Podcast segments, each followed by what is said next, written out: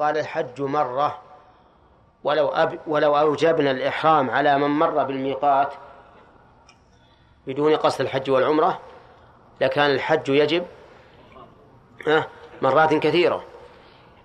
كان نقول كلما مر كلما مر بالميقات وجب عليه أن يحرم. وهذا القول هو الراجح أنه لا يجب الإحرام من الميقات إلا لمن إيش؟ لمن أراد الحج أو العمرة. أما من دخل مكة لزيارة قريب أو لعيادة مريض أو لتجارة أو لطلب علم أو لغير ذلك من المقاصد فإنه لا يجب عليه أن يحرم من من الميقات إذا كان قد أدى الفريضة. حتى لو طال زمنه عن مكة نعم حتى لو طال. لو بقي عن مكة أربعين سنة ما هي أربعين يوما كما هو عند العامة فإنه لا يجب عليه أن يحرم ما دام قد أدى الفريضة. ثم قال المؤلف رحمه الله تعالى باب المواقيت. المواقيت جمع ميقات وأصله من الوقت ولكن قلبت الواو ياء لأنه كسر ما قبلها. فأصل ميقات موقات لكن لأنها وقعت ساكنة بعد كسر وجب أن تقلب ياء فيقال ميقات. والميقات يطلق على على الزمن ويطلق على الحد. فيقال وقت كذا أي حدد. المواقيت تنقسم إلى إلى قسمين. مواقيت مكانية ومواقيت زمنية. أما المواقيت المكانية فإنها تكون للحج والعمرة. وأما الزمنية فهي للحج فقط. أما العمرة فلا زمن لها. في أي وقت شئت من العام تعتمر. لكن الحج له مواقيت زمنية لقوله تعالى الحج أشهر معلومات. وهي شوال وذو القعدة وذو الحجة هذا القول الراجح. وإن كان المشهور من المذهب أنها شوال وذو القعدة وعشر من ذي الحجة لكن الصواب أن شهر ذي الحجة كله من من من زمن الحج. لأن الأصل أشهر الأصل في الجمع أن يكون عاما وشاملا لكل ما يدل عليه. المواقيت المكانية خمسة. نستمع إليها في حديث ابن عباس رضي الله عنهما أن النبي صلى الله عليه وسلم وقت لأهل المدينة ذا الحليفة. وقت أي حدد. وجعله مكانا لوقت إحرامهم. ذا الحليفة أي صاحب الحليفة. والحليفة تصغير حلفة. والحلفة هي الحلفة شجر معروف فسميت به لكثرته فيها. وهي مكان يبعد عن مكة نحو عشر مراحل يعني نحو عشرة أيام. وعن المدينة بنحو ستة أميال أو تسعة أميال يعني ليست بعيدة عن المدينة. ولأهل الشام الجحفة. أهل الشام كل من كانوا من كانوا بين المشرق والمغرب من البلاد الشامية المعروفة. الجحفة قرية اجتحفها السيل ودمرها وهلك أهلها أيضا بالوباء الذي نزل فيهم حين دعا النبي صلى الله عليه وسلم أن ينقل دعا الله عز وجل أن ينقل حمى المدينة إلى الجحفة. لما خربت صار الناس يحرمون بدلها من رابغ ورابغ أبعد من منها عن مكة. وبينها وبين مكة نحو ثلاث مراحل. قال ولأهل ولأهل نجد قرن المنازل. يعني وقت لهم قرن المنازل وهو ما يسمى الآن بالسيل الكبير وهو معروف. مكان معروف لا زال الناس يحرمون منه إلى الآن. ووقت لأهل اليمن يلملم يلملم اسم جبل وقيل اسم مكان وهو يسمى الآن السعدية معروف عند أهل اليمن. قرن المنازل ويلملم بين كل واحد منها وبين مكة نحو مرحلتين. قال هن لهن ولمن أتى عليهن من غيرهن. هن الضمير يعود على المواقيت. لهن للبلدان أو الأمكنة. ولمن أتى عليهن أي على المواقيت من غيرهن أي من غير هذه الأماكن. فجعل الرسول عليه الصلاة والسلام هذه المواقيت جعلها مواقيت لأهل هذه البلدان. ولمن أتى عليهن من غير أهلهن. فمن أتى من أهل نجد عن طريق المدينة يحرم من ذي الحليفة ولا نلزمه أن يذهب إلى قرن المنازل. ومن أتى من أهل المدينة من من طريق أهل نجد أحرم من قرن المنازل ولا نلزمه أن يذهب إلى ذي الحليفة. نعم. وهذا من تسير الله عز وجل. قال ممن أراد الحج أو العمرة يعني هن لهؤلاء ممن؟ يعني من الذين يريدون الحج أو العمرة. وأو هنا مانعة خلو. فلا يمتنع أن يقصد الحج والعمرة جميعا.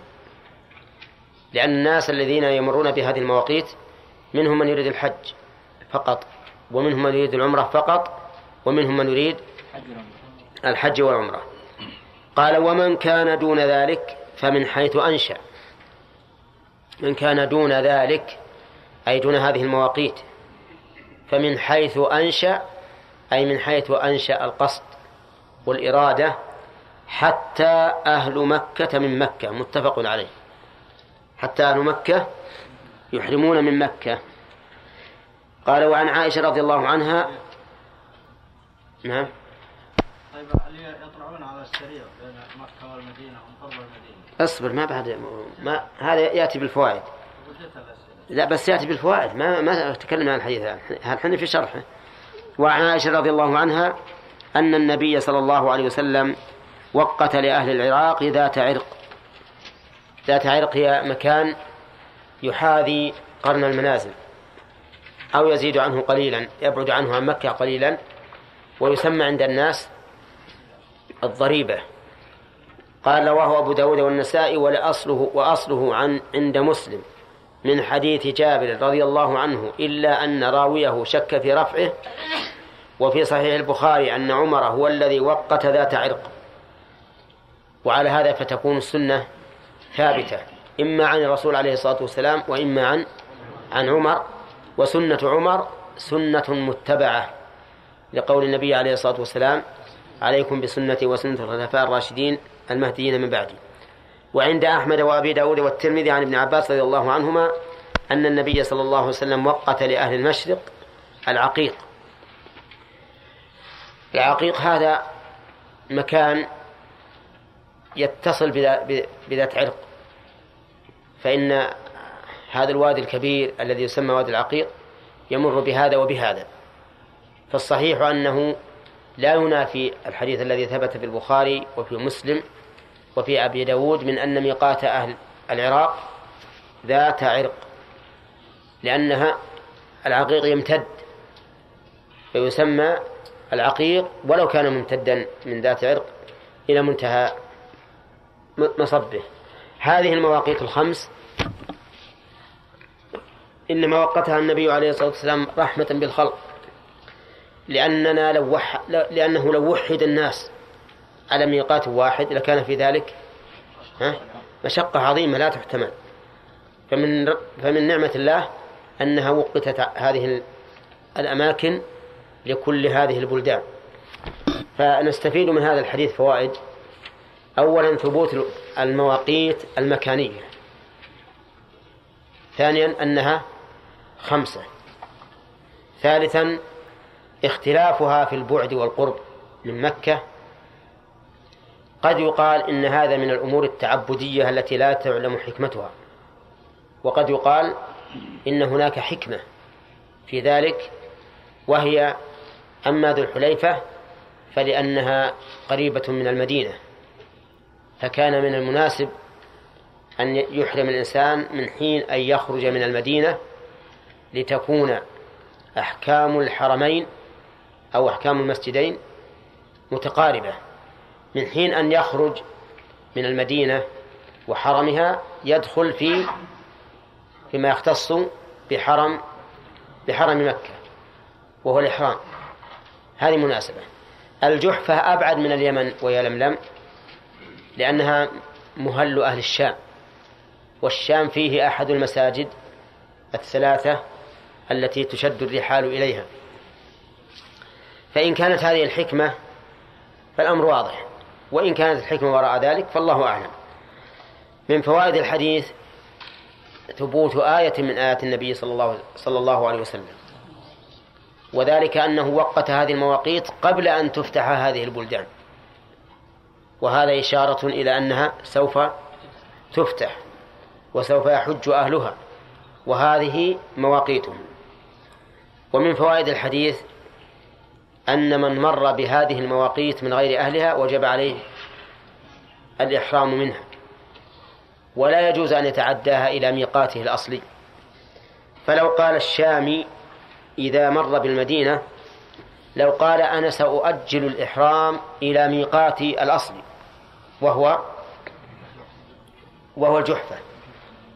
قلنا له لا لأن النبي صلى الله عليه وسلم قال ولمن أتى عليهن من غير أهلهن فأنت الآن مررت بميقات سابق فيجب عليك أن تحرم منه. وهذا هو رأي الجمهور. وذهب الإمام مالك رحمه الله إلى أنه يجوز للشام أن يؤخر الميقات إذا مر بذي الحليفة ويحرم من الجحفة. وهذا اختيار شيخ الإسلام ابن تيمية ولكن الصواب مع الجمهور في هذه المسألة. وأن الإنسان إذا مر بالميقات مريدا للحج والعمرة وجب عليه أن يحرم ولا يتجاوزه. من قوله ممن أراد الحج أو العمرة. أن من دون هذه المواقيت يحرم من مكانه ولا يلزمه أن يرجع إلى الميقات ليحرم منه. لقوله ومن كان دون ذلك فمن حيث أنشأ. أن من تجاوز هذه المواقيت لا يريد حجا ولا عمرة ثم بدا له بعد تجاوزها أن يحج أو يعتمر فإنه لازمه الرجوع وإنما يحرم من حيث من حيث أنشأ أي أنشأ النية. واضح؟ طيب. أن ميقات أهل مكة بل من كان في مكة ميقاته من مكة ميقاته من مكة بقوله حتى أهل مكة من مكة. وهذا في الحج ظاهر وواضح فإن النبي صلى الله عليه وسلم لم يلزم أهل مكة حين أرادوا الإحرام بالحج أن يخرجوا إلى الحل ولم يلزم الصحابة الذين حلوا أن أن يخرجوا إلى الحل بل أحرموا من مكانهم واضح؟ طيب فإن قلت هل يشمل هذا العمرة؟ قلنا قد قيل به وأن من أراد العمرة من أهل مكة يحرم من مكة ولكن هذا قول ضعيف لأن هذا العموم خص بحديث عائشة وبالمعنى أيضا أما تخصيصه بحديث عائشة فلأن عائشة لما أرادت أن تحرم وهي في مكة أمرها النبي صلى الله عليه وسلم أن تخرج من الحرم فتهل بعمرة. وهذا يدل على أن مكة ليست ميقاتا للإهلال بالعمرة. إذ لو كانت كذلك لم يكلفها النبي صلى الله عليه وسلم أن تخرج في الليل من مكة إلى التنعيم لتحرم منه. لأننا نعلم أن دين الله تعالى يسر وأن اليسر في هذه الحال أن تحرم من من مكة. فلما لم يكن ذلك علم أن مكة ليست ميقاتا للعمرة. فإن قال قائل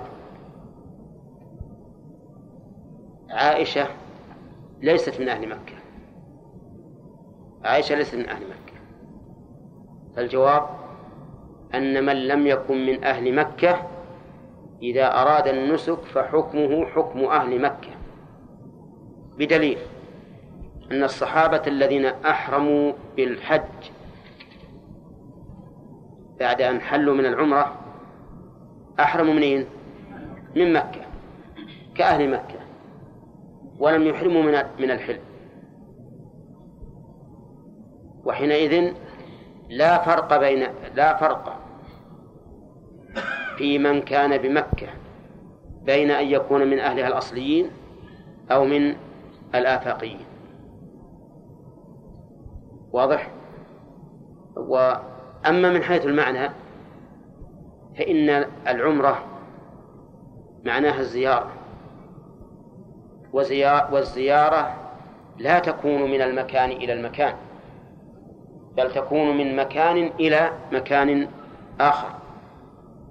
وهذا لا لا يتصور أو لا يتحقق إلا إذا جاء الإنسان بالعمرة من خارج الحرم من خارج الحرم. ويشير إلى هذا قول الرسول عليه الصلاة والسلام لعبد الرحمن بن أبي بكر أخرج بأختك من الحرم بهذا اللفظ الصحيح فلتحل بعمرة؟ اخرج بها من الحرم. وهذا يدل على أن الحرم ليس مكانا للإحرام بالعمرة. ولأنه ما من نسك ما من نسك يطوف فيه الإنسان الكعبة إلا وقد جمع بين الحل والحرم.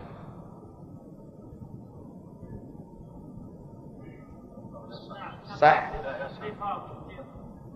لأن أهل الحج لأن الحج أهل مكة يحرمون بمكة ولكن لا يطوفون بالبيت حتى يأتوا من الحل. أين الحل الذي يكون؟ عرفة. عرفة. فلا يمكن لأحد أن يطوف بالبيت طواف نسك إلا وقد قدم إليه من الحل. هذه القاعدة. ففي العمرة معروف واضح؟ وفي الحج ما يطوف ما يطوف طواف الإفاضة إلا بعد الوقوف إلا بعد الوقوف بعرفة لو طاف طواف الإفاضة قبل الوقوف بعرفة ما صح. نعم. السؤال بعد. طيب الآن عرفنا أن أنه أن النص أو الدليل السمعي أن الدليل السمعي والنظري يدل على أن أهل مكة يحرمون للعمرة من من الحل من خارج الحرم وهو كذلك.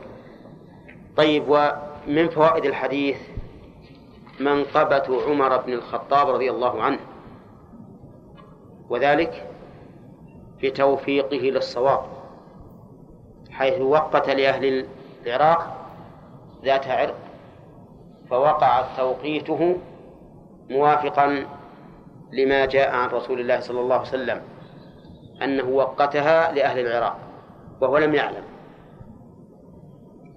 ميقات توقيت ذات عرق من عمر جاءت باعتبارها حذو قرن المنازل فيستفاد منه فائدة. أن من لم يمر بميقات فإنه يحرم ها إذا حاد الميقات سواء كان من البر أو من الجو أو من البحر. صح؟ أي نعم. سواء كان من البر أو البحر أو الجو. يا سبحان الله. يتصور يا أخي يجي من البحر الأحمر. يحاذي الجحفة ويحرم منها واللي من, من اليمن يحاذي يلملم في طريق السفن. يحاذي. إذن في طريق البر أو البحر أو الجو. كذا. هل تكلم العلماء على الطائرات؟ يقولون شيخ الإسلام ما هو يقولون؟ مؤكدا شيخ الإسلام رحمه الله كان يتكلم على أهل الشعوذة الذين يلعبون على الناس بأن الله تعالى يعطيهم كرامات إنهم يكونون في بلادهم في اليوم الثامن ذي الحجة ثم يقفون بعرفة ويشاهدون بعرفة. يقول رحمه الله إن الشياطين تحملهم ولكن ذكر من جملة ما ما يفرطون فيه أنهم يحاذون الميقات ولا يحرمون منه. لأنها تطير بهم الشياطين. إذن صار للطائرات أصل في كلام أهل العلم أهل العلم. لأن دولة تطير بهم الشياطين وتمر مع الميقات ولكن ما يحرم إلا لو وصل مكة. على كل حال نحن عندنا والحمد لله من سنة عمر رضي الله عنه اعتبار المحاذاة طريقا شرعيا تثبت به الأحكام الشرعية. ثم قال المؤلف باب وجوه الإحرام وصفته.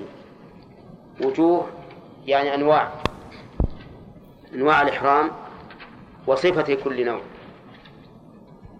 الإحرام له ثلاثة أنواع كما سيأتي في هذا الحديث وهو قوله عن عائشة رضي الله عنها قالت خرجنا مع رسول الله صلى الله عليه وسلم عام حجة الوداع.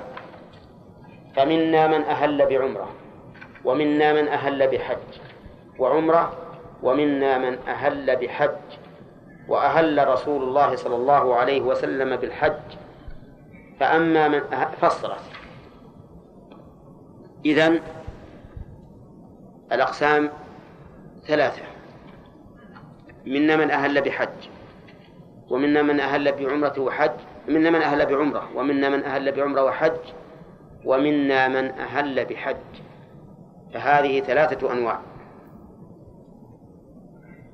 الذين أهلوا بعمرة تقول رضي الله عنها فحل عند قدومه. وأما من أهل بحج أو جمع بين الحج والعمرة فلم يحلوا حتى كان يوم النحر متفق عليه. هذه بيان الإحرام وصفته.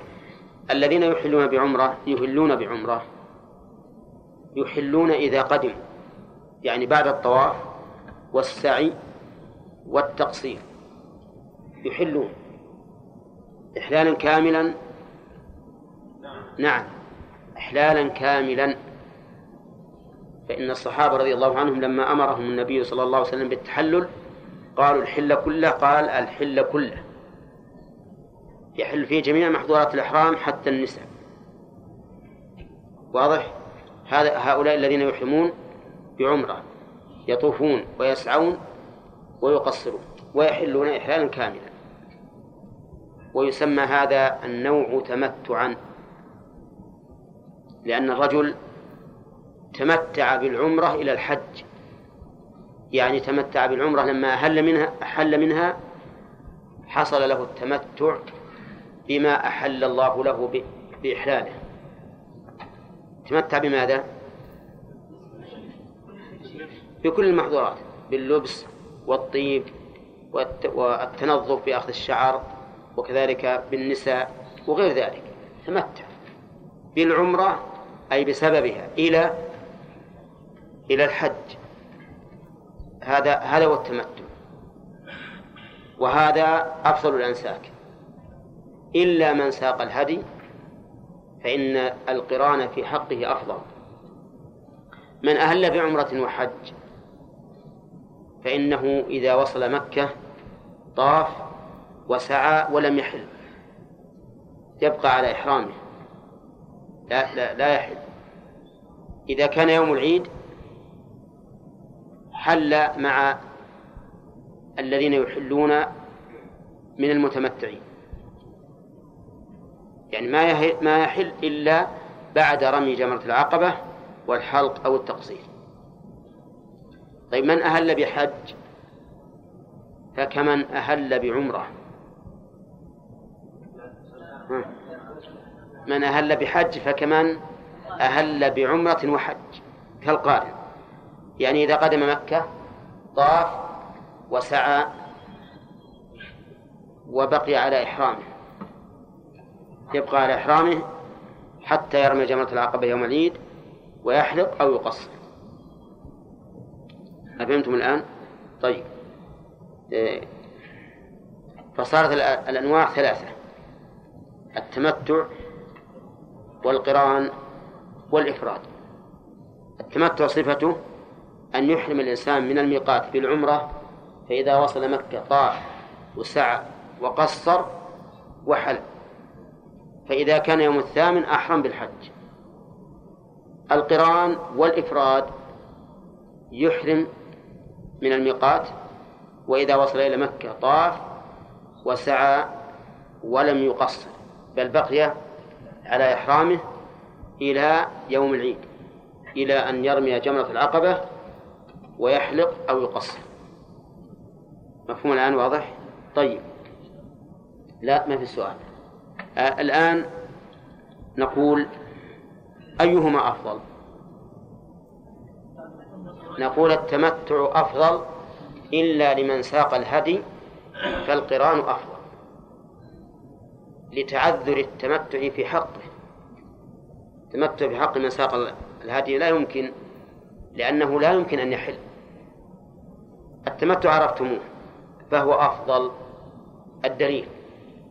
أولا لأن النبي صلى الله عليه وسلم أمر به أمر به أصحابه وحتم عليهم حتى غضب لما توانوا في تنفيذ ذلك. ثانيا أنه أيسر للمكلف. وما كان أيسر للمكلف فهو أحب إلى الله. أحب الدين إلى الله الحنفية السمحة كما يروى في الحديث. وإن الدين يسر كما صح به الحديث. ثالثا أنه أكثر عملا. فإن الإنسان يأتي فيه بعمرة تامة وبحج تام. فيطوف طواف طواف العمرة ويسعى ويطوف طواف الحج ويسعى خلافا لمن قال إن المتمتع يكفيه السعي الأول سعي العمرة فإن هذا قول ضعيف جدا. ولا يصح من حيث الدليل ولا من حيث التعليل. أما من حيث الدليل فإنه قد صح في البخاري وغيره من حديث ابن عباس وعائشة رضي الله عنهما بل رضي الله عنهم أن الذين حلوا من إحرامهم طافوا بين الصفا والمروة طوافين. يعني أنهم طافوا مرتين وسعوا سعيين. وأما من حيث المعنى فلأن العمرة انفصلت عن الحج انفصالا تاما حتى إنه يفعل بينهما كل ما يفعل في حال الحج. وهذا انفصال تام. فكيف يقال إن جزءا من العمرة يكون مجزئا عن جزء من الحج؟ ثالثا أن الله تعالى أوجب على الإنسان رابعا أن الله أوجب على الإنسان أن يطوف بالصفا والمروة في الحج والعمرة. فقال فمن حج البيت أو اعتمر فلا جناح عليه أن يطوف بهما. إذن فالحج لا بد فيه من سعي والعمرة لا بد فيها من سعي. وأما حديث جابر الذي اعتمد عليه من قال إنه يكفيه سعي واحد وهو ما رواه مسلم أنه قال رضي الله عنه لم يطف النبي صلى الله عليه وسلم ولا أصحابه بالصفا والمروة إلا طوافا واحدا طوافه الأول فهذا الجواب عنه سهل جدا. فيقال المراد بأصحابه الذين كانوا مثله وهم القارنون. ومعلوم أن القارن يكفيه سعي واحد. ولا ولا ولا يمكن أن يراد به كل أصحابه. وذلك لحديث ابن عباس وعائشة رضي الله عنهما رضي الله عنهم وللمعنى الذي أشرنا إليه. وكذلك من استدل بقوله دخلت العمرة في الحج وشبك بين أصحابه فلا يدل فلا فهم أنفسهم لا يقولون بمقتضى ظاهر الحديث. إذ لو كان لو أخذنا بمقتضى ظاهر الحديث لقلنا أيضا يكفيه طواف العمرة عن طواف الحج ولا قائل به. وإنما دخلت العمرة في الحج أي أنها أي أن الحج كما يكون في هذه الأشهر كذلك العمرة. وكذلك ما ثبت للحج من أحكام ثبت للعمرة إلا ما دل عليه الدليل.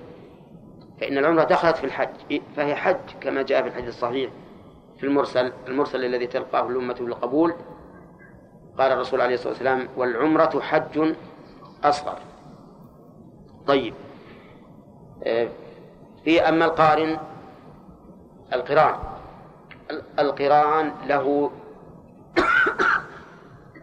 صفة متفق عليها.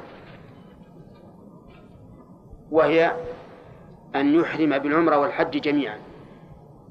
فيقول لبيك عمرة وحجا. لبيك عمرة وحجا.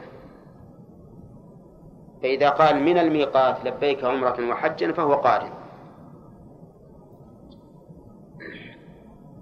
وسبق أن صفة القرآن أن يحرم بال...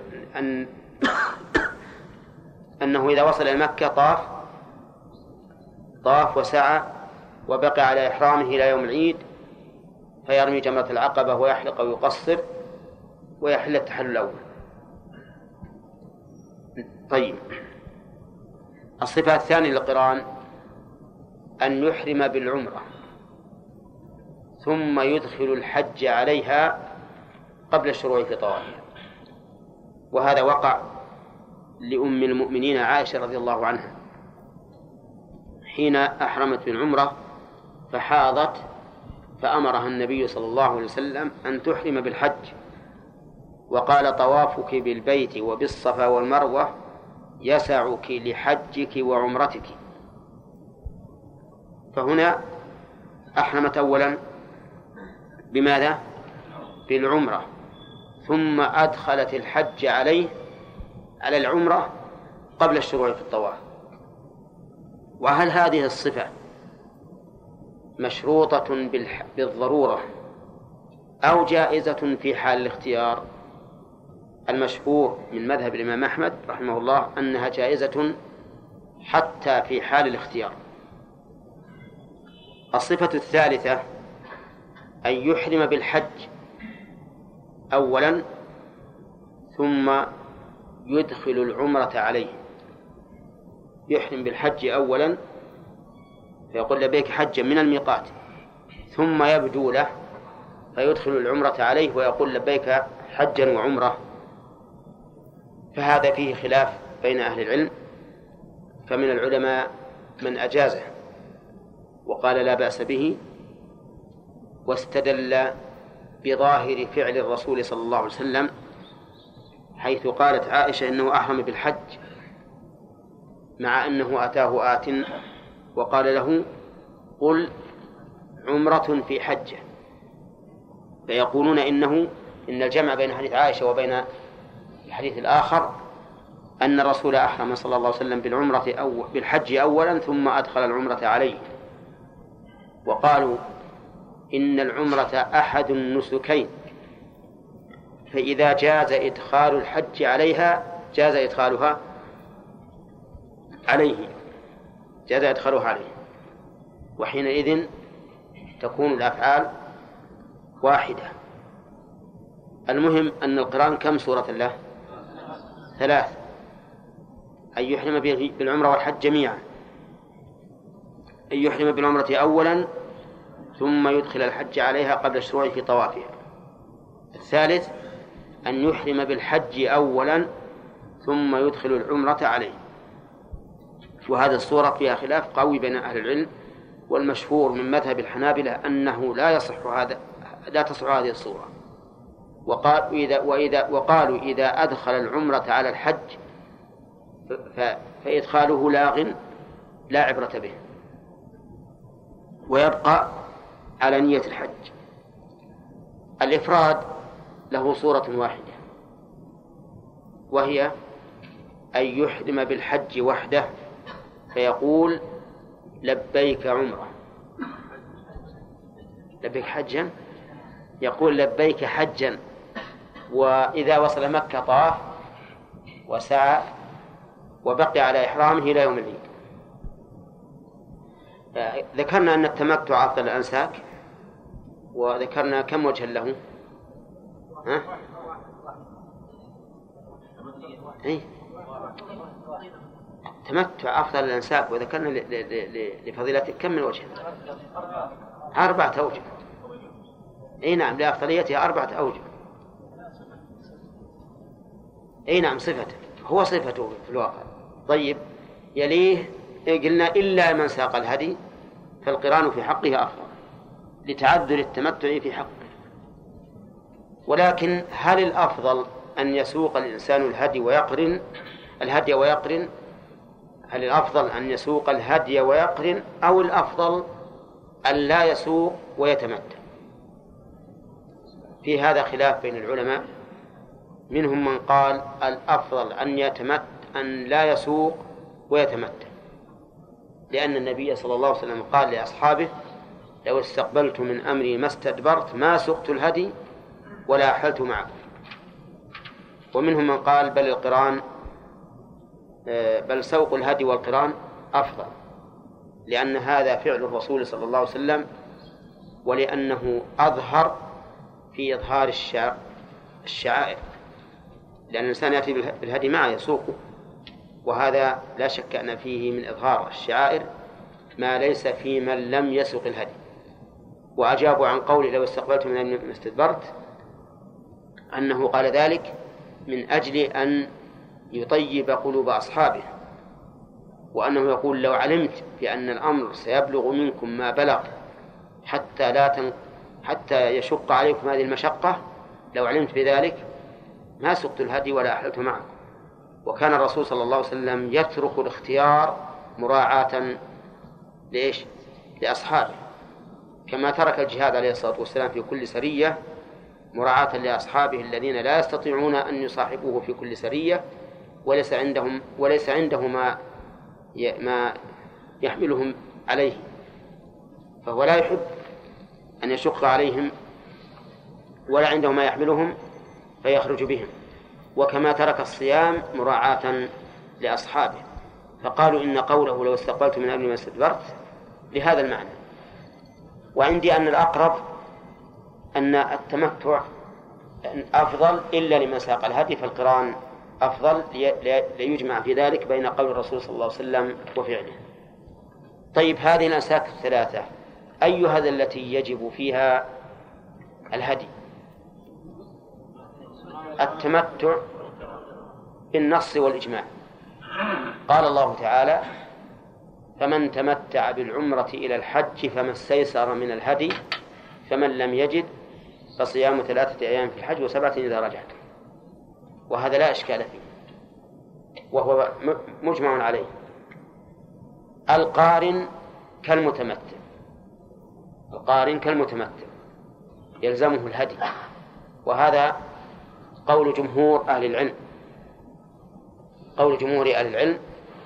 ووجه مشابهته للمتمتع أنه حصل له نسكان في سفر واحد فقد تمتع بالعمرة بالترفه بترك أحد السفرين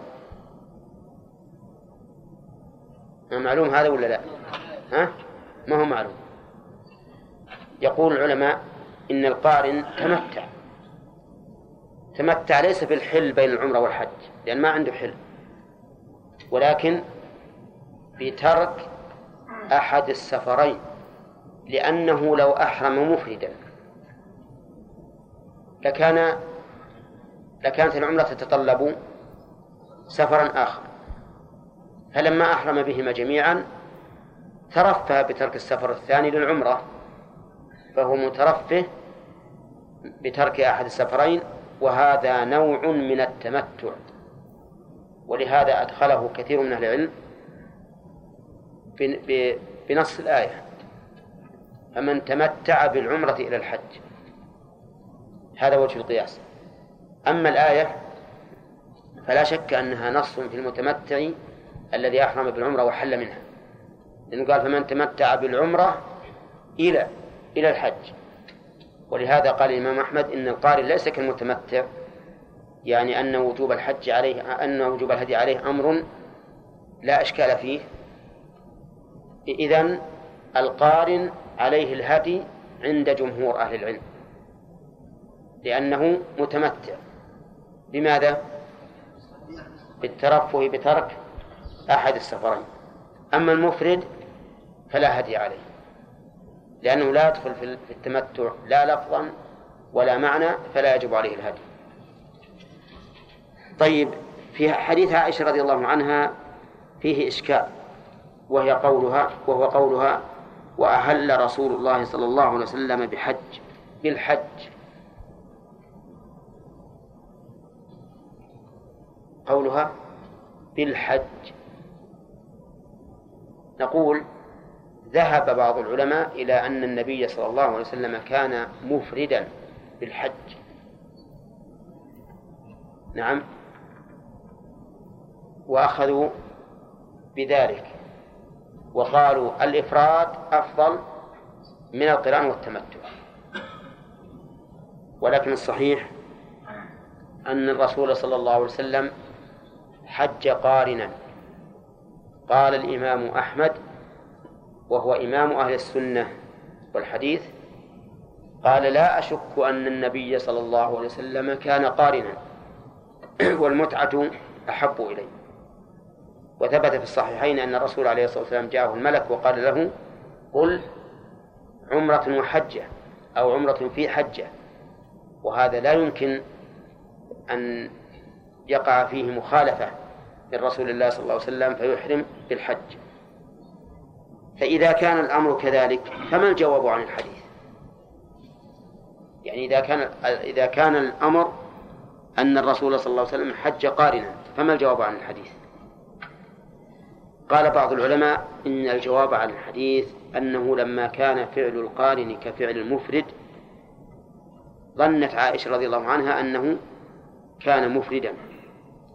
وهذا ليس بصحيح لأنه يقال إذا كانت علمت أن بعض الصحابة أحرم بحج وعمرة فكيف تجهل أن الرسول صلى الله عليه وسلم حج أحرم بحج وعمرة؟ هذا شيء بعيد جدا. ومنهم من قال إن الرسول صلى الله عليه وسلم كان أحرم أولا بالحج ثم أدخل العمرة عليه. فقالت عائشة أحرم بالحج باعتبار ابتداء الإحرام. ثم أدخل العمرة عليه وهذا ينطبق تماما على قول من يقول بجواز إدخال العمرة على الحج. أما من لا يقول بذلك فإنهم لا يقرون هذا الجواب. نعم.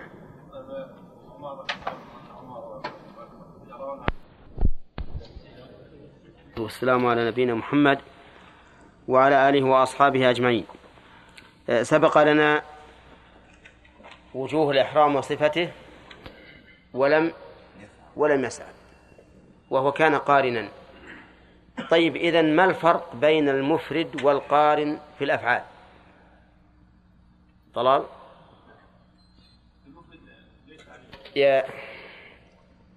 يتساوى أو يتفق المفرد والقارن في في الأفعال. ويختلفان في أن القارن عليه هدي والمفرد لا هدي عليه. أن القارن يحصل له عمرة وحج والمفرد حج فقط. طيب المتمتع يتفق مع القارن في أن كل منهما عليه هدي. ويختلفان في أن المتمتع يأتي بعمرة مستقلة وحج مستقل. والقارن يأتي بحج اندمجت فيه العمرة. تندمج أفعال العمرة بأفعال الحج. طيب أيهما أفضل؟ ذكرنا أن الأفضل لمن ساق الهدي القران ولمن لم يسق الهدي التمتع. طيب وذكرنا أيضا أن الأنساك الثلاثة كلها جائزة كلها جائزة إلى يومنا هذا. فإن قلت كيف تجيب عن أمر الرسول عليه الصلاة والسلام أصحابه أن يجعلوها عمرة وغضبه حين لم يفعلوا ذلك ولم يبادروا. فقلنا الجواب على ذلك ما صح في صحيح مسلم عن أبي ذر رضي الله عنه أنه سئل عن المتعة أهي عامة أم خاصة؟ قال بل هي لنا خاصة. قال شيخ الإسلام رحمه الله أي أن وجوبها خاص في الصحابة. لأنهم لو امتنعوا رضي الله عنهم وصمموا على الامتناع لكان في ذلك مجابهة مع من؟ مع الرسول عليه الصلاة والسلام ثم حد لمنع هذا التمتع. لأنهم لو لم يفعلوا ما فعل الناس غيرهم أسوة لهم. فلما كانوا هم الأسوة وكان في امتناعهم مجابهة ومنع للتمتع أو لفسخ الحج إلى التمتع كان غضب الرسول عليه الصلاة والسلام عليهم شديدا. كيف يجابههم؟ ليسن هذه الطريقة لأمته ثم يمتنعون. فالغضب هنا ليس لأن هذا واجب من حيث هو واجب.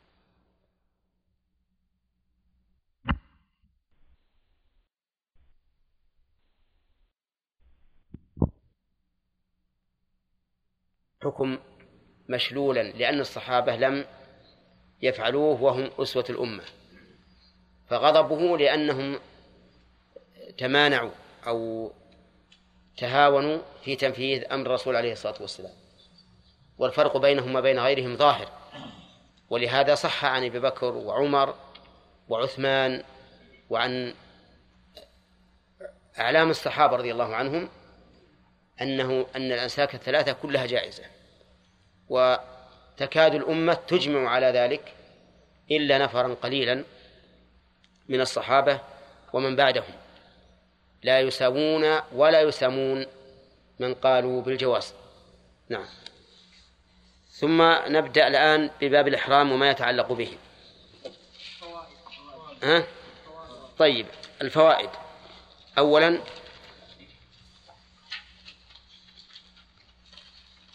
أن أولا أن الناس مخيرون في في الإحرام بين هذه الوجوه الثلاثة. ووجه الدلالة من هذا أن النبي صلى الله عليه وسلم أقرهم على ذلك. ثانيا أنه ليس هناك أوجه للإحرام سوى ما جاءت به السنة.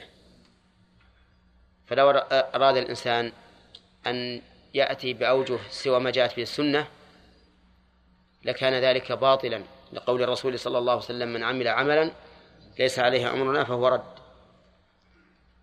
ومن فوائد الحديث السعة في الأمور الجائزة وأنها إذا كانت الأمور كلها جائزة فلا ينبغي أن يعيب أحد على أحد. ومثله حديث أنس حججنا مع النبي صلى الله عليه وسلم فمنا الملبي ومنا المكبر ومنا المهلل.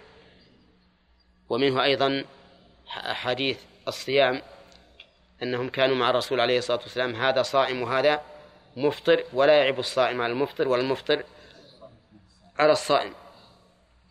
ومن فوائد الحديث أن المتمتع يهل يحل من عمرته إذا قدم. وأنه ينبغي المبادرة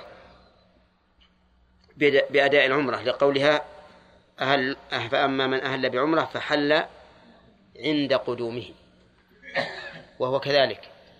أن الإنسان ينبغي له إذا قدم مكة بنسك عمرة أن يبادر. نعم. ومن فوائده أيضا أن المتم... أن القارن والمفرد يبقيان على إحرامهما إلى يوم النحر. طيب. فيه أيضا حجة الوداع متى كانت؟ في السنة العاشرة من الهجرة. وسميت حجة الوداع لأن الرسول عليه الصلاة والسلام أتى بما يشعر بتوديع الناس في تلك الحجة. ثم قال باب الإحرام وما يتعلق به. الإحرام هو نية الدخول في النسك حتى وإن كان على الإنسان ثيابه العادية فإذا نوى الدخول في النسك فقد أحرم سواء لبس الثياب الخاصة بالإحرام أم لم يلبس. وما يتعلق به أي بالإحرام مما يسن أو يجب. قال عن ابن عمر رضي الله عنهما أن قال ما أح ما أهل رسول الله صلى الله عليه وسلم إلا من عند المسجد يعني مسجد الحليفة. وهو يشير إلى أنه لا ينبغي الإهلال إلا إذا ركب الإنسان. إذا ركب الإنسان فإنه يهل. وقد صرح في حديث جابر رضي الله عنه أنه أهل حين استوت به ناقته على البيدة. فقال رضي الله عنه حتى إذا استوت به على البيدة أهل بالتوحيد. لبيك اللهم لبيك. وقوله أهل أي رفع صوته. رفع صوته. من الإهلال وهو الإظهار. ومنه سمي الهلال لأنه يظهر في السماء. وعن خلاد بن السائب عن أبيه رضي الله عنهما أن رسول الله صلى الله عليه وسلم قال آتاني جبريل فأمرني أن آمر أصحابي أن يرفعوا أصواتهم بالإهلال رواه الخمسة وصححه الترمذي وابن حبان. هذا كالأول فيه دليل على أنه يستحب رفع الصوت بالتلبية لأن جبريل أتى النبي صلى الله عليه وسلم فأمره أن يأمر أصحابه أن يرفعوا أصواتهم بالإهلال يعني بالتلبية. وجبريل هو أحد الملائكة الكرام وهو الموكل بالوحي. يستفاد من هذين الحديثين رفع أنه يسن رفع الصوت بماذا؟ بالإهلال يعني التلبية. وعن زيد بن ثابت رضي الله عنه أن النبي صلى الله عليه وسلم تجرد لإهلاله واغتسل. تجرد يعني من لباسه واغتسل. وهذا الاغتسال مشروع. يغتسل الإنسان عند الإحرام كما يغتسل للجنابة. وهو سنة مؤكدة للرجال والنساء حتى الحيض وذوات النفاس يسن لهن أن يغتسلن فإن لم يجد الماء أو تعذر عليه استعماله لمرض فهل يتيمم؟ المشهور أن عند أهل العلم أنه يتيمم. قالوا لأن هذه طهارة مشروعة فإذا تعذرت عدلنا إلى التيمم كالاغتسال الواجب. وقال شيخ الإسلام ابن تيمية لا يسن التيمم لأن هذا اغتسال ليس عن جنابة حتى يحتاج الإنسان فيه إلى رفع الحدث إنما هو اغتسال للتنظف والتنشط لهذا العمل. فإذا لم يجد الماء فإنه لا يتيمم. وعلى كل حال إن تيمم الإنسان احتياطا فلا بأس لأنه قال به بعض أهل العلم. وعن ابن عمر رضي الله عنهما أن رسول الله صلى الله عليه وسلم سئل ما يلبس المحرم من الثياب؟ قال لا يلبس القميص إلى آخره. سئل يعني سأله سائل وكان هذا السؤال وقع وهو في المدينة قبل أن يخرج إلى الحج. لأنه خرج إلى الحج في يوم السبت وقد خطب الناس في يوم الجمعة عليه الصلاة والسلام وبين لهم ما يصنعون عند الإحرام. فسأله السائل ما يلبس المحرم؟ والسؤال وما هنا استفهامية؟ يعني أي شيء يلبسه؟ فقال لا يلبس القميص. والجواب في في ظاهره مخالف لصيغة السؤال. لأن السؤال عما يلبس والجواب عما لا يلبس. نعم. لو كان السؤال ما الذي لا يلبسه المحرم؟ فقال لا يلبس القميص. صار صار الجواب صار الجواب مطابقا للسؤال. في صيغته. لكن السؤال عما يلبس فأجيب بما لا يلبس. فنقول إن الجواب وإن خالف الصيغة وإن خالف السؤال في صيغته لكنه موافق له في المعنى. لأن حصر ما لا يلبس يفيد ما يلبس. كأنه قال يلبس ما سوى ذلك. لكنه ذكر ما لا يلبس لأنه أقل من الذي يلبس. فالذي يلبس واسع كل شيء يلبسه إلا هذه الخمسة. وعلى هذا فيكون الجواب مطابقا للسؤال مع الاختصار. ووجه المطابقة أن من علم ما لا يلبس فقد علم ما يلبس وهو ما عداه. لا يلبس القميص. ما هو القميص؟ الثوب ثيابنا هذه هي القمص. نعم يسميه بعض الناس المقطع أظن. نعم والتسمية ما ما لنا فيها لكن هذا ما كان هذا صفته يسمى قميصا ولا العمائم القميص على البدن والعمائم على الرأس ولا السراويلات على جزء من البدن. نعم ولا البرانس على كل البدن. ها؟ لأن البرانس ثياب ثياب لها آه، قبع متصل بها يغطى به الرأس. ولعلكم تشاهدونه آه، في المغاربة الذين يقدمون للحج. ها؟ موجود. هذا البرنس. ولا الخفاف لباس الرجل. خفاف لباس الرجل.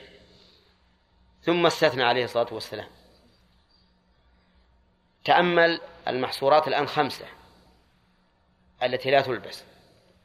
ما عداها يلبس إلا ما كان بمعناها فإن الشرع لا يفرق بين متماثلين. فما كان بمعناها فله حكم حكمها. القميص وش الذي بمعناه؟ ها؟ لا. سوى ذكره يا شيخ. طيب الفنيلة قريبة من القميص ولا لا؟ الكوت ها؟ قريب من القميص. الدقلة قريب من القميص. الزبون ها؟ قريب من من القميص. أو أو يشبه البرانس ابحثوا قاموس اللغة العرفية تجدونه. طيب. آه، العمائم وش نظيرها؟ الغتر والطاقية. واضح. السراويلات معروفة. ها؟ لا. الإزار ما هو مثل القميص. ما هو مثل السراويل. لكن السراويل ظاهر الحديث العموم. وأنه لا فرق بين السراويلات ذوات الأكمام الطويلة أو القصيرة. طيب البرانس يمكن نقول أقرب شيء لها المشلح. نعم. طيب الخفاف مثلها الجوارب لأنه لا فرق. وش الجوارب؟ هي الشراب. طيب ما عدا ذلك فهو حلال. فلننظر الآن هل يلبس الساعة؟ ها؟ نعم. لأن لا تدخل في هذا ولا بمعناه. هل يلبس النظارة؟ ها؟ هي نعم. يلبس سماعة في الأذن؟ يلبس الخاتم؟ ها؟ طيب. ها؟ أي نعم. يلبس الكمر؟ أي نعم. ها؟ الكمر مخير أي هل حين يجينا العلم. طيب. يلبس الكمر. طيب لأنه مو من, من هذه الأشياء. طيب يلبس العلاقية التي يكون فيها الحوائج. ها؟ في علاقية تكون يعلقها على الجنب يكون فيها حوائج. نقول يلبسه طيب اصبر يا أخي. طيب إذا كل شيء يلبسه إلا ما كان في معنى هذه الأشياء. طيب آه الخفاف هي الكنادر وقلنا مثلها الجوارب يقول الرسول عليه الصلاة والسلام إلا أحد لا يجد نعلين فليلبس الخفين. إلا أحد يعني من الرجال لا يلب لا يجد لا يجد النعلين فليلبس الخفين. وإذا قيل لا يجد كذا فالمراد لا يجده بعينه ولا يجد ما يحصله به ما, ما يحصل به. أولى. يعني فإذا كان ما عنده نعال الآن لكن عنده دراهم يشتري نعالا. نقول اشتري نعالا. فإذا لم يكن إذا لم يجد نعالا يشتريها. الدراهم معه لكن لم يجد نعالا يشتريها. ما في الميقات نعال. فليلبس إيش؟ الخفين. لكن هنا قال وليقطعهما أسفل من الكعبين. وليقطعهما. يعني يقطع الخفين حتى تكون أسفل من الكعبين. لئلا تكون خفا كاملا. نعم. ولكن هذا الحديث قلت إنه قاله الرسول صلى الله عليه وسلم وهو في المدينة قبل أن يخرج إلى الحج. وفي حديث ابن عباس وليت المؤلف ذكر رحمه الله أن النبي صلى الله عليه وسلم خطب الناس يوم عرفة. فقال من لم يجد نعلين فليلبس الخفين ولم ومن لم يجد إزارا فليلبس السراويل. وأطلق. وهذا يدل على أن الحكم الأول نسخ. لماذا؟ لأن الرسول صلى الله عليه وسلم قال هذا في مجمع أكبر من مجمع المدينة وفي زمن متأخر. في زمن متأخر. فالزمن متأخر والجمع أكثر. والذين سمعوه يوم عرفة ليس كلهم سمعوه في في المدينة. وسيأخذ الحديث سيأخذون الحديث على إطلاقه بدون أمر بقطع. ولو كان القطع واجبا لكان بيانه في في عرفة واجبا لأن الناس سيأخذونه على الإطلاق. وهذا القول هو الصحيح. على ما في القطع من إضاعة المال. لأن نسخ لأنه لما جاء ما ما يدل على النسخ صار قطعه إضاعة للمال. ولهذا حرم بعض العلماء قطع الخف. وقال إنه لما نسخ كان في قطعه إفسادا له كان في قطعه إفساد له وهو إضاعة للمال. طيب يقول ولا تلبسوا شيئا من الثياب مسه الزعفران ولا الورس ولا تلبسوا شيئا من الثياب مسه الزعفران. للونه أو لريحه. ها؟ لهما جميعا. لأن الرسول نهى الرجال عن لبس المعصفر الأصفر. و والذي مسه الزعفران مسه الزعفران يكون أصفر. لكن إذا كان لطخة ما تشمل الثوب كله فإنه يكون النهي عنه من أجل أنه طيب. لأن المعصفر إنما يكره إذا كان الثوب كله أصفر. قال ولا الورس إيش الورس قال العلماء إن الورس نبت في اليمن طيب الرائحة. فتكون العلة في النهي عن الثوب الذي مسه الزعفران أو الورس هي الرائحة. كأنه قال لا تلبسوا ثوبا مسه الطيب. وظاهر الحديث أننا لا نلبس الثوب الذي مسه الطيب سواء لبسناه قبل أن نحرم وأحرمنا به أو بعد أن نحرم. وهذا هو الظاهر. ولهذا اختلف العلماء في الرداء المطيب هل يلبسه المحرم أو لا. أما بعد إحرامه فلا شك أنه إيش؟ لا يلبسه. وأما بعد إحرامه وأما قبل إحرامه فالمشهور من المذهب أنه مكروه. أن يحرم الإنسان بثوب مطيب. وقال بعض العلماء إنه حرام. ولا يجوز أن يحرم بثوب مطيب وهذا هو ظاهر الحديث. وعلى هذا فلا تطيب ثياب الإحرام لا بالبخور ولا بالدهن ولا بغيرها من الأطياب عبد الرحمن الرسل نعم لا تطيب لأن الرسول يقول لا تلبسوا ثوبا مزه زعفران ولا الورس هذا الحديث عبر عنه بعض العلماء فقالوا لا يلبس المحرم المخيط. لا يلبس المحرم المخيط.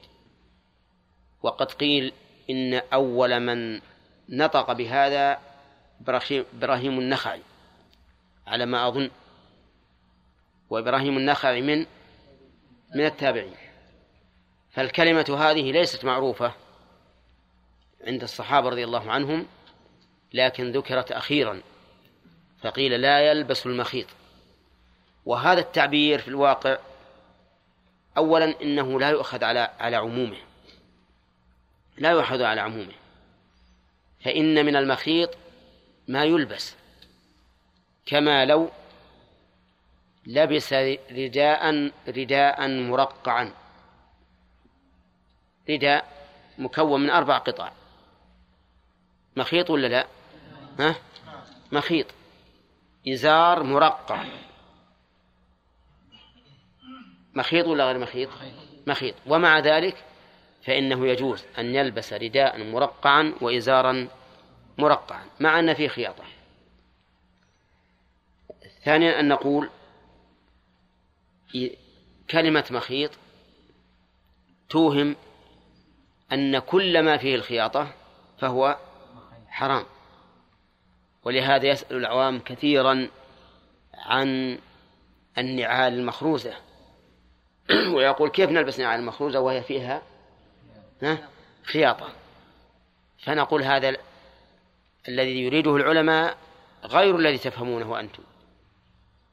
هم يريدون اللباس المفصل على البدن سواء مخيط أو منسوج. ولا لا يريدون ما فيه الخياطة.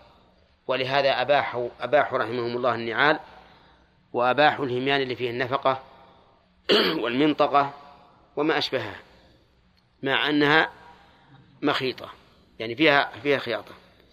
ولهذا لو أن لو أن الإنسان إذا أتى على ذكر هذا المحظور من محظورات الإحرام ذكر ما جاءت به السنة لكان أولى وأبين وأسلم له. لأن كونه يعبر بما جاءت به السنة لا شك أنه أن لديه حجة أمام الله عز وجل. لكن كونه يعبر بلبس المخيط الموهم للناس خلاف ما يريد ما يراد هذا قد يكون على خطر. أنه يفهم عباد الله أو يأتي بلفظ يوهم ما لا يراد. نعم لو أنه قال إن المحرم لبس المخيط وشرحه شرحا وافيا لسلم. طيب نعود مرة ثانية إلى هذا الحديث. يقول لا يلبس القميص. لو استعمل القميص على غير وجه اللبس مثل أن ارتدى به أو اتزر به.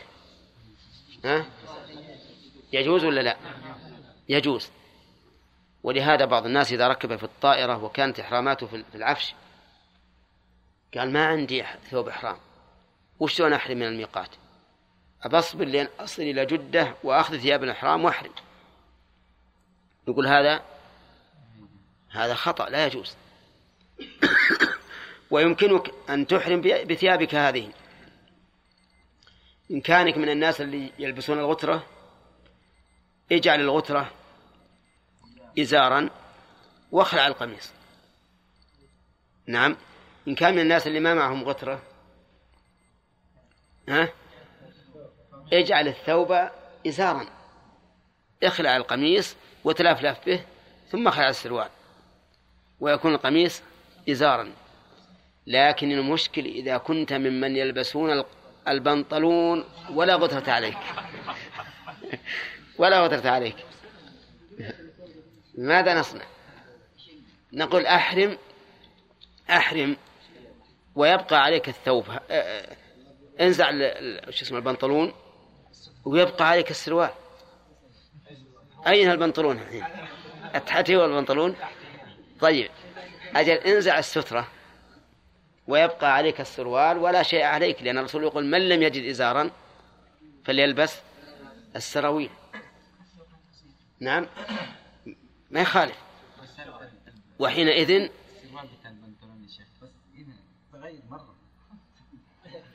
كيف صغير يصل إلى إلى إلى إلى الكعب ولا يصل إلى الكعب يا أخي. الداخلي مرة ما الحين طيب اصبر يا جماعة. هل الحين في سروالين اللي عنده ستر بنطلون سروالين؟ لا لا هو بيلبس يعني سروال داخلي وبعدين يلبس البنطلون هل الحين البنطلون أسألكم هل البنطلون كله قطعة واحدة؟ السروال واللي فوق كلهم قطعة واحدة؟ طيب ما إذا الحمد لله يخلع الأول لا على هذا. لا شيخ البنطلون من الوسط من عند سرته مثلا لغاية الكعبين. إيه. طيب سروال. اجعله سروال. طيب. فهمت ولا لا؟ سروال صغير قد كده. طيب ما يخالف يبقى عليه البنطلون هذا. يبقى عليه البنطلون ما في مانع. لأن من لم يجد إزارا فليلبس السراويل. أي ما, أي ما يضر لأن الهيئة واحدة. نعم. أو تنكشف عورته إذا صار الداخل صغير. لابد من بقاء هذا. بقي عندنا بقي عندنا إذا لم يمكن هذا بأي بأي حال من الأحوال. مثل أن لا يكون معه إلا قميص وليس على رأسه شيء. ما عنده إلا قميص ما في السروال ولا على رأسه شيء. ماذا يصنع؟ نعم نقول إذا أمكن أن يحرم به بدون كشف عورة بحيث يدخل مثلا في حمام الطائرة ويخلعه ويجعله إزارا فعل. وإن لم يمكن نوى الإحرام ولو كان عليه هذا الثوب. والمسألة بسيطة. يصوم ثلاثة أيام على رأي أهل العلم. يصوم ثلاثة أيام أو يطعم ستة مسكين ستة مساكين لكل مسكين نصف صاع أو يذبح شاة. وسيأتي إن شاء الله ذكر الكلام على اللباس المخيط. هل أو لباس هذه الأشياء هل يلزمه فدية إذا لبسها أو لا يلزمه؟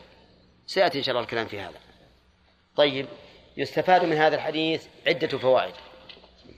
أولا حرص الصحابة رضي الله عنهم على العلم والبحث. لأن لقوله سئل ما يلبس المحرم. ومن فوائده أيضا حسن تعليم الرسول عليه الصلاة والسلام وأن تعليمه قد بلغ الغاية في الفصاحة. لأنه سئل عما يلبس المحرم فأجاب بما يلبس. ذلك الجواب المتضمن لبيان ما لا يلبس مع الاختصار.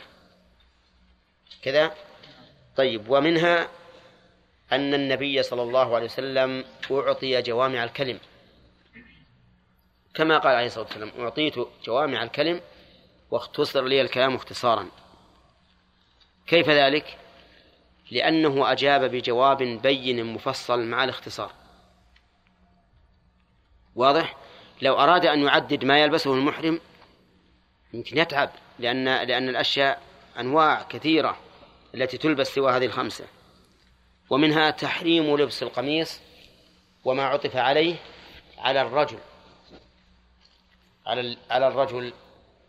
ومنها جواز لبس السراويل لمن لم يكن معه إزار. كذا ومنها جواز لبس الإزار على أي صفة كان. لعموم قوله ومن لم يجد إزارا.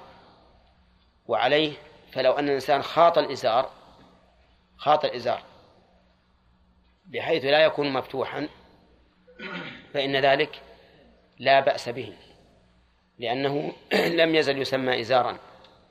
والسراويل لها أكمام يدخل فيها كل رجل وحدها. ومنها تحريم لبس السراويل القصيرة والطويلة. لعموم قوله ها ولا السراويلات.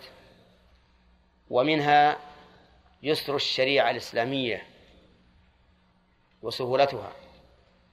لقوله من لم يجد نعلين فليلبس الخفين ومن لم يجد إزارا فليلبس السراويل. وهل نقول ومنها استحباب لبس النعلين للمحرم. ها؟ أو جواز. طيب وشد لماذا لا نقول اللام للأمر؟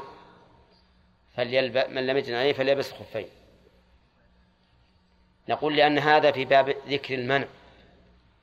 فتكون اللام هنا لإيش؟ للإباحة. تكون اللام للإباحة. وإلا فلو أن الإنسان أحرم وهو حافي فلا حرج عليه. ومنها تحريم لبس المطيب.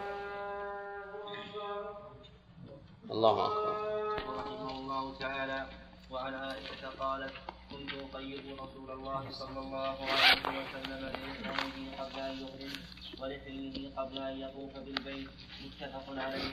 وعن عثمان بن عفان رضي الله عنه أن رسول الله صلى الله عليه وسلم قال صلى وسلم عليه. ولا ينفق ولا يخطب رواه مسلم. وعن أبي قتادة الأنصاري رضي الله عنه في قصة صيد الحمار الوحشي وهو غير محرم.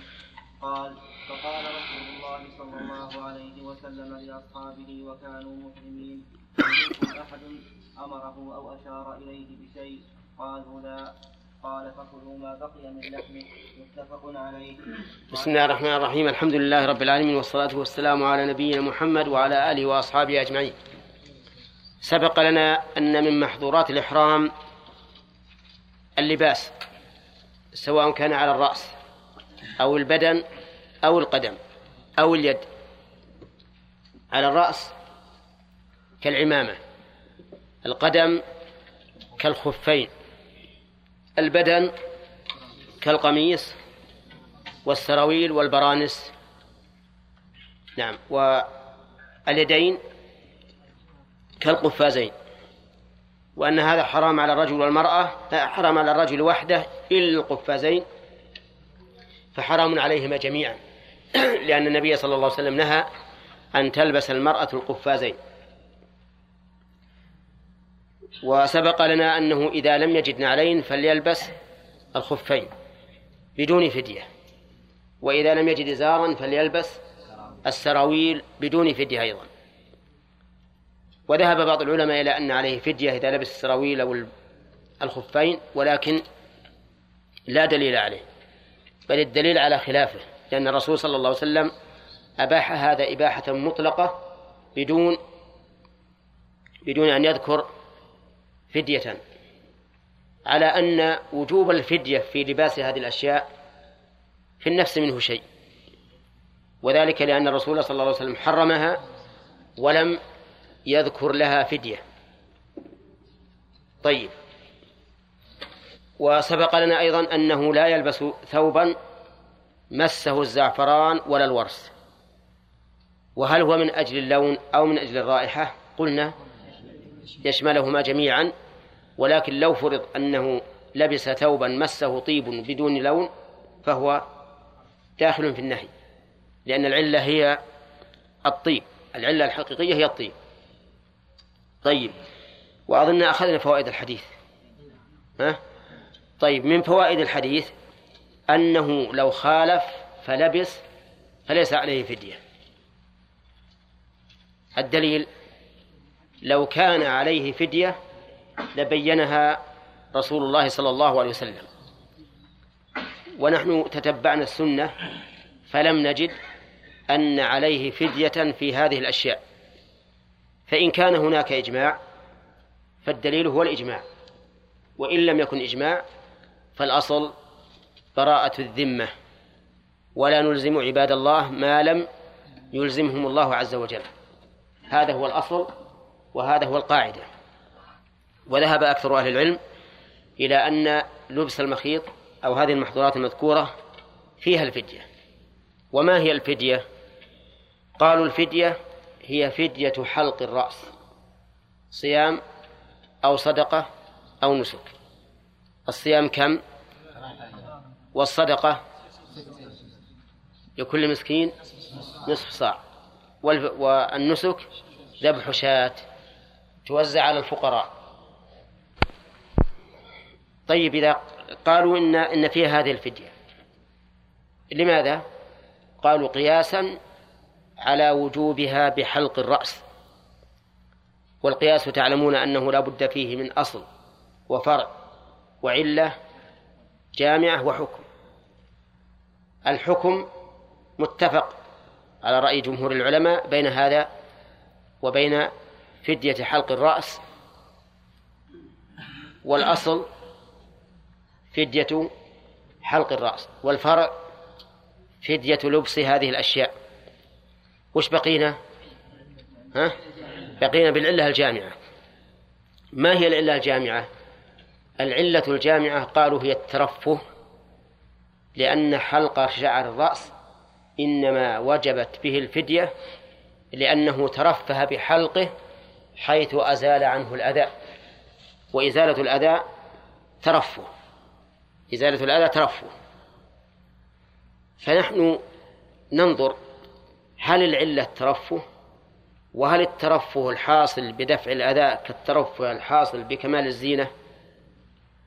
لأننا قد نمانع في أن العلة في وجوب الفدية في حلق الرأس هي الترفه.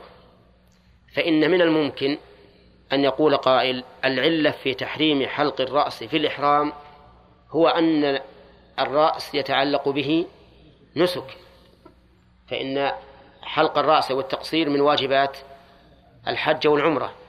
ولو أن المحرم حلقه لفات هذا النسك فكان لزاما عليه أن يبقيه من أجل أن يتنسك لله تعالى بإزالته حلقا أو تقصيرا. ثم نقول الترفه الحاصل بالحلق ليس كالترفه الحاصل بلباس هذه هذه الثياب. الترفه الحاصل بالحلق من أجل إزالة أذى فهو رفع ضرر. أما هذه فليس فالترفه فيها من باب الزينة من باب الزينة والسهولة في الملبس ونحو ذلك. فافترقا ثم نقول إنه ليس مطلق الترفه موجب للفدية. فها هو المحرم. يغتسل ويتبرد ويأكل المأكولات الطيبة ويتفكه في المشا... في المشارب وفي في الملبوسات المباحة وكذلك في المفروشات وغير هذا. ويستظل وهو نوع من الترفه. فالتعليل بالترفه فيه نظر أيضا. لهذا نقول إن دل الإجماع على وجوب الفدية في لبس هذه الأشياء فهو المتبع وليس لنا أن نخرج عن إجماع المسلمين. وإن لم يدل الدليل وإن لم يدل الإجماع على ذلك فالأصل براءة الذمة وإلحاق هذه بحلق الرأس مع إمكان وجود الفارق فيه نظر. واضح؟ طيب. قال المؤلف رحمه الله تعالى وعن عائشة رضي الله عنها قالت كنت أطيب رسول الله صلى الله عليه وسلم لإحرامه قبل أن يحرم ولحله قبل أن يطوف بالبيت. ذكر المؤلف رحمه الله هذا الحديث عقب حديث ابن عمر لأن في حديث ابن عمر الإشارة إلى تحريم الطيب على المحرم. وهذا الحديث يدل على جواز على جواز استعمال الطيب عند الإحرام. ولازم ذلك أن يبقى الطيب في الإنسان بعد إحرامه. بل صريح ذلك كما جاء في حديث آخر قالت كأني أنظر إلى وبيص المسك في مفارق رسول الله صلى الله عليه وسلم وهو محرم. وبيص بمعنى بريق. البريق واللمعان وهو محرم. فيستفاد من حديث عائشة أن استدامة الطيب للمحرم ليست حراما. النساء ما عندها النور أي يستفاد من ذلك أن استدامة الطيب للمحرم ليست حراما. نعم. وهذا صحيح ما في شك. والعلماء أخذوا من هذا قاعدة وقالوا إن الاستدامة أقوى من الابتداء. الاستدامة أقوى من الابتداء. فالطيب للمحرم استدامته جائزة وابتداؤه؟ ها؟ لا تجوز. الرجعة للمحرم يعني إذا رجع زوجته وقد طلقها جائزة وابتداء عقد النكاح لا يجوز. نعم. والقاعدة هذه صحيحة وسليمة. وقول عائشة رضي الله عنها كنت أطيب يستفاد منه أنه يجوز للرجل أن يستخدم زوجته في حوائجه الخاصة كالتطيب. وقولها ولحله قبل أن يطوف بالبيت يستفاد منه أن أن المحرم يحل في الحج قبل أن يطوف بالبيت قبل أن يطوف. ولكن هذا الحل هو التحلل الأول أو الأصغر كما يعبر بعض الناس. أما أما أما الثاني فلا يكون إلا بعد الطواف والسعي. ويستفاد من هذا الحديث أيضا أنه لا حل قبل الطواف. وأنه لا يحل التحلل الأول برمي جمرة العقبة كما قال به كثير من أهل العلم. فالصواب أنه لا يحل إلا بالرمي والحلق. أولا لأنه ورد عن النبي عليه الصلاة والسلام وإن كان ذكر الحلق ضعيفا ولكن يؤيده حديث عائشة هذا فإنها قالت ولحله قبل أن يطوف. ولو كان يحل قبل الحلق لقالت ولحله قبل أن يحلق. ولحله قبل أن يحلق.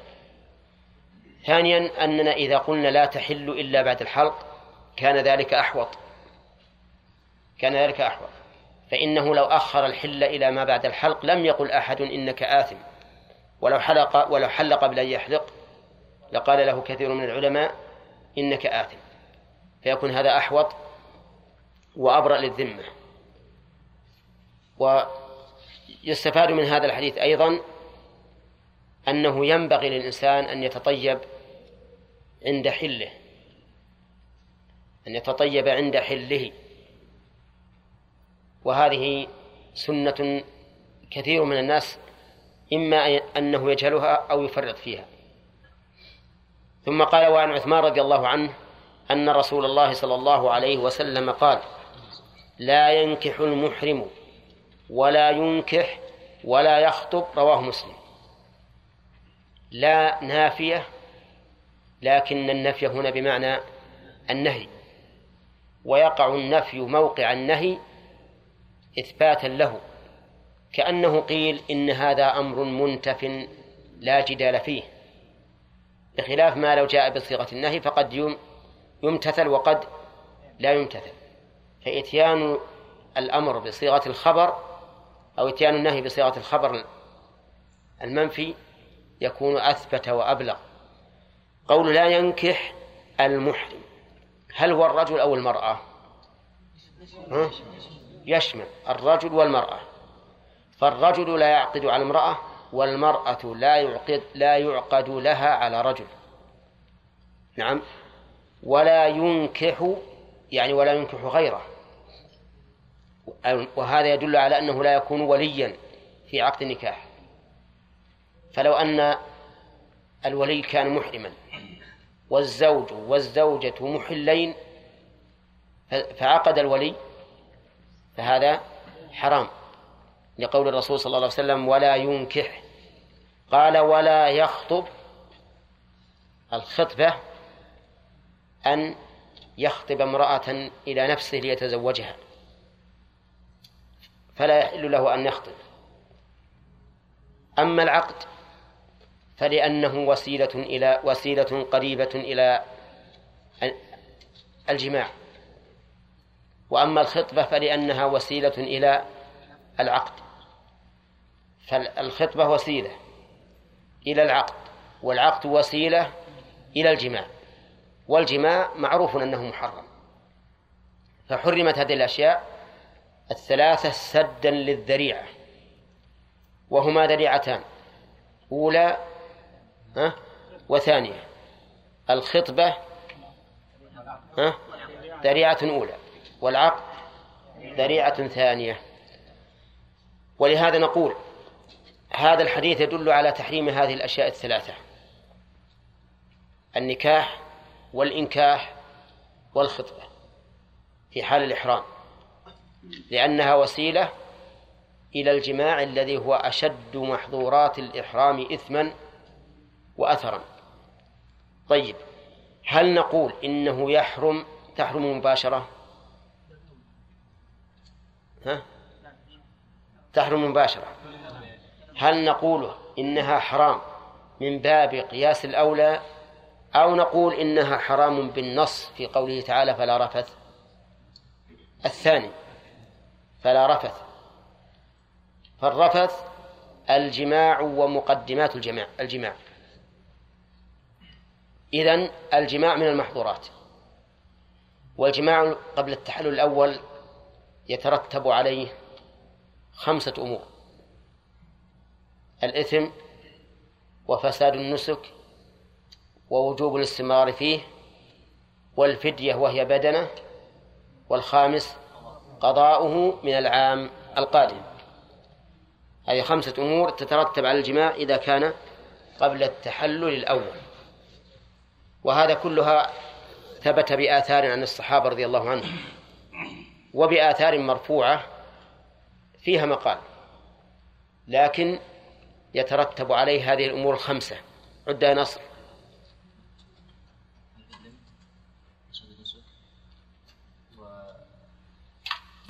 ستة أشياء. الإثم والفدية والفساد الإثم والفساد والاستمرار والفدية والقضاء. أفهمتم؟ المباشرة المباشرة لا شك أنها دون الجماع ولذلك لا يجب بها حد الزنا ولا يحرم إنكاح من باشر امرأة بدون زنا. وما المهم أنها دون الجماع بلا شك. فما الواجب فيها؟ قال بعض العلماء إن أنزل فالواجب فدية لكن لا تفسد النسب. فدية بدنة. والصحيح أنه لا يجب بها بدنة وإنما هي كفدية الأذى بناء على ما قاله جمهور أهل العلم. طيب الإنكاح والنكاح والخطبة. هذه الثلاثة حرام. نقول الأصل في النهي. إيش؟ التحريم. وعليه فلو تزوج المحرم رجلا كان أو امرأة فالعقد فاسد. لأن النهي لأن النهي عاد إلى ذات الشيء. والنهي إذا عاد إلى ذات الشيء أفسده. إذ أننا لو قلنا بصحة المنهي عنه لكان في ذلك مضادة لله ورسوله. لأن لازم التصحيح النفوذ والنهي وش يقتضي؟ يقتضي إعدامه وأن لا يوجد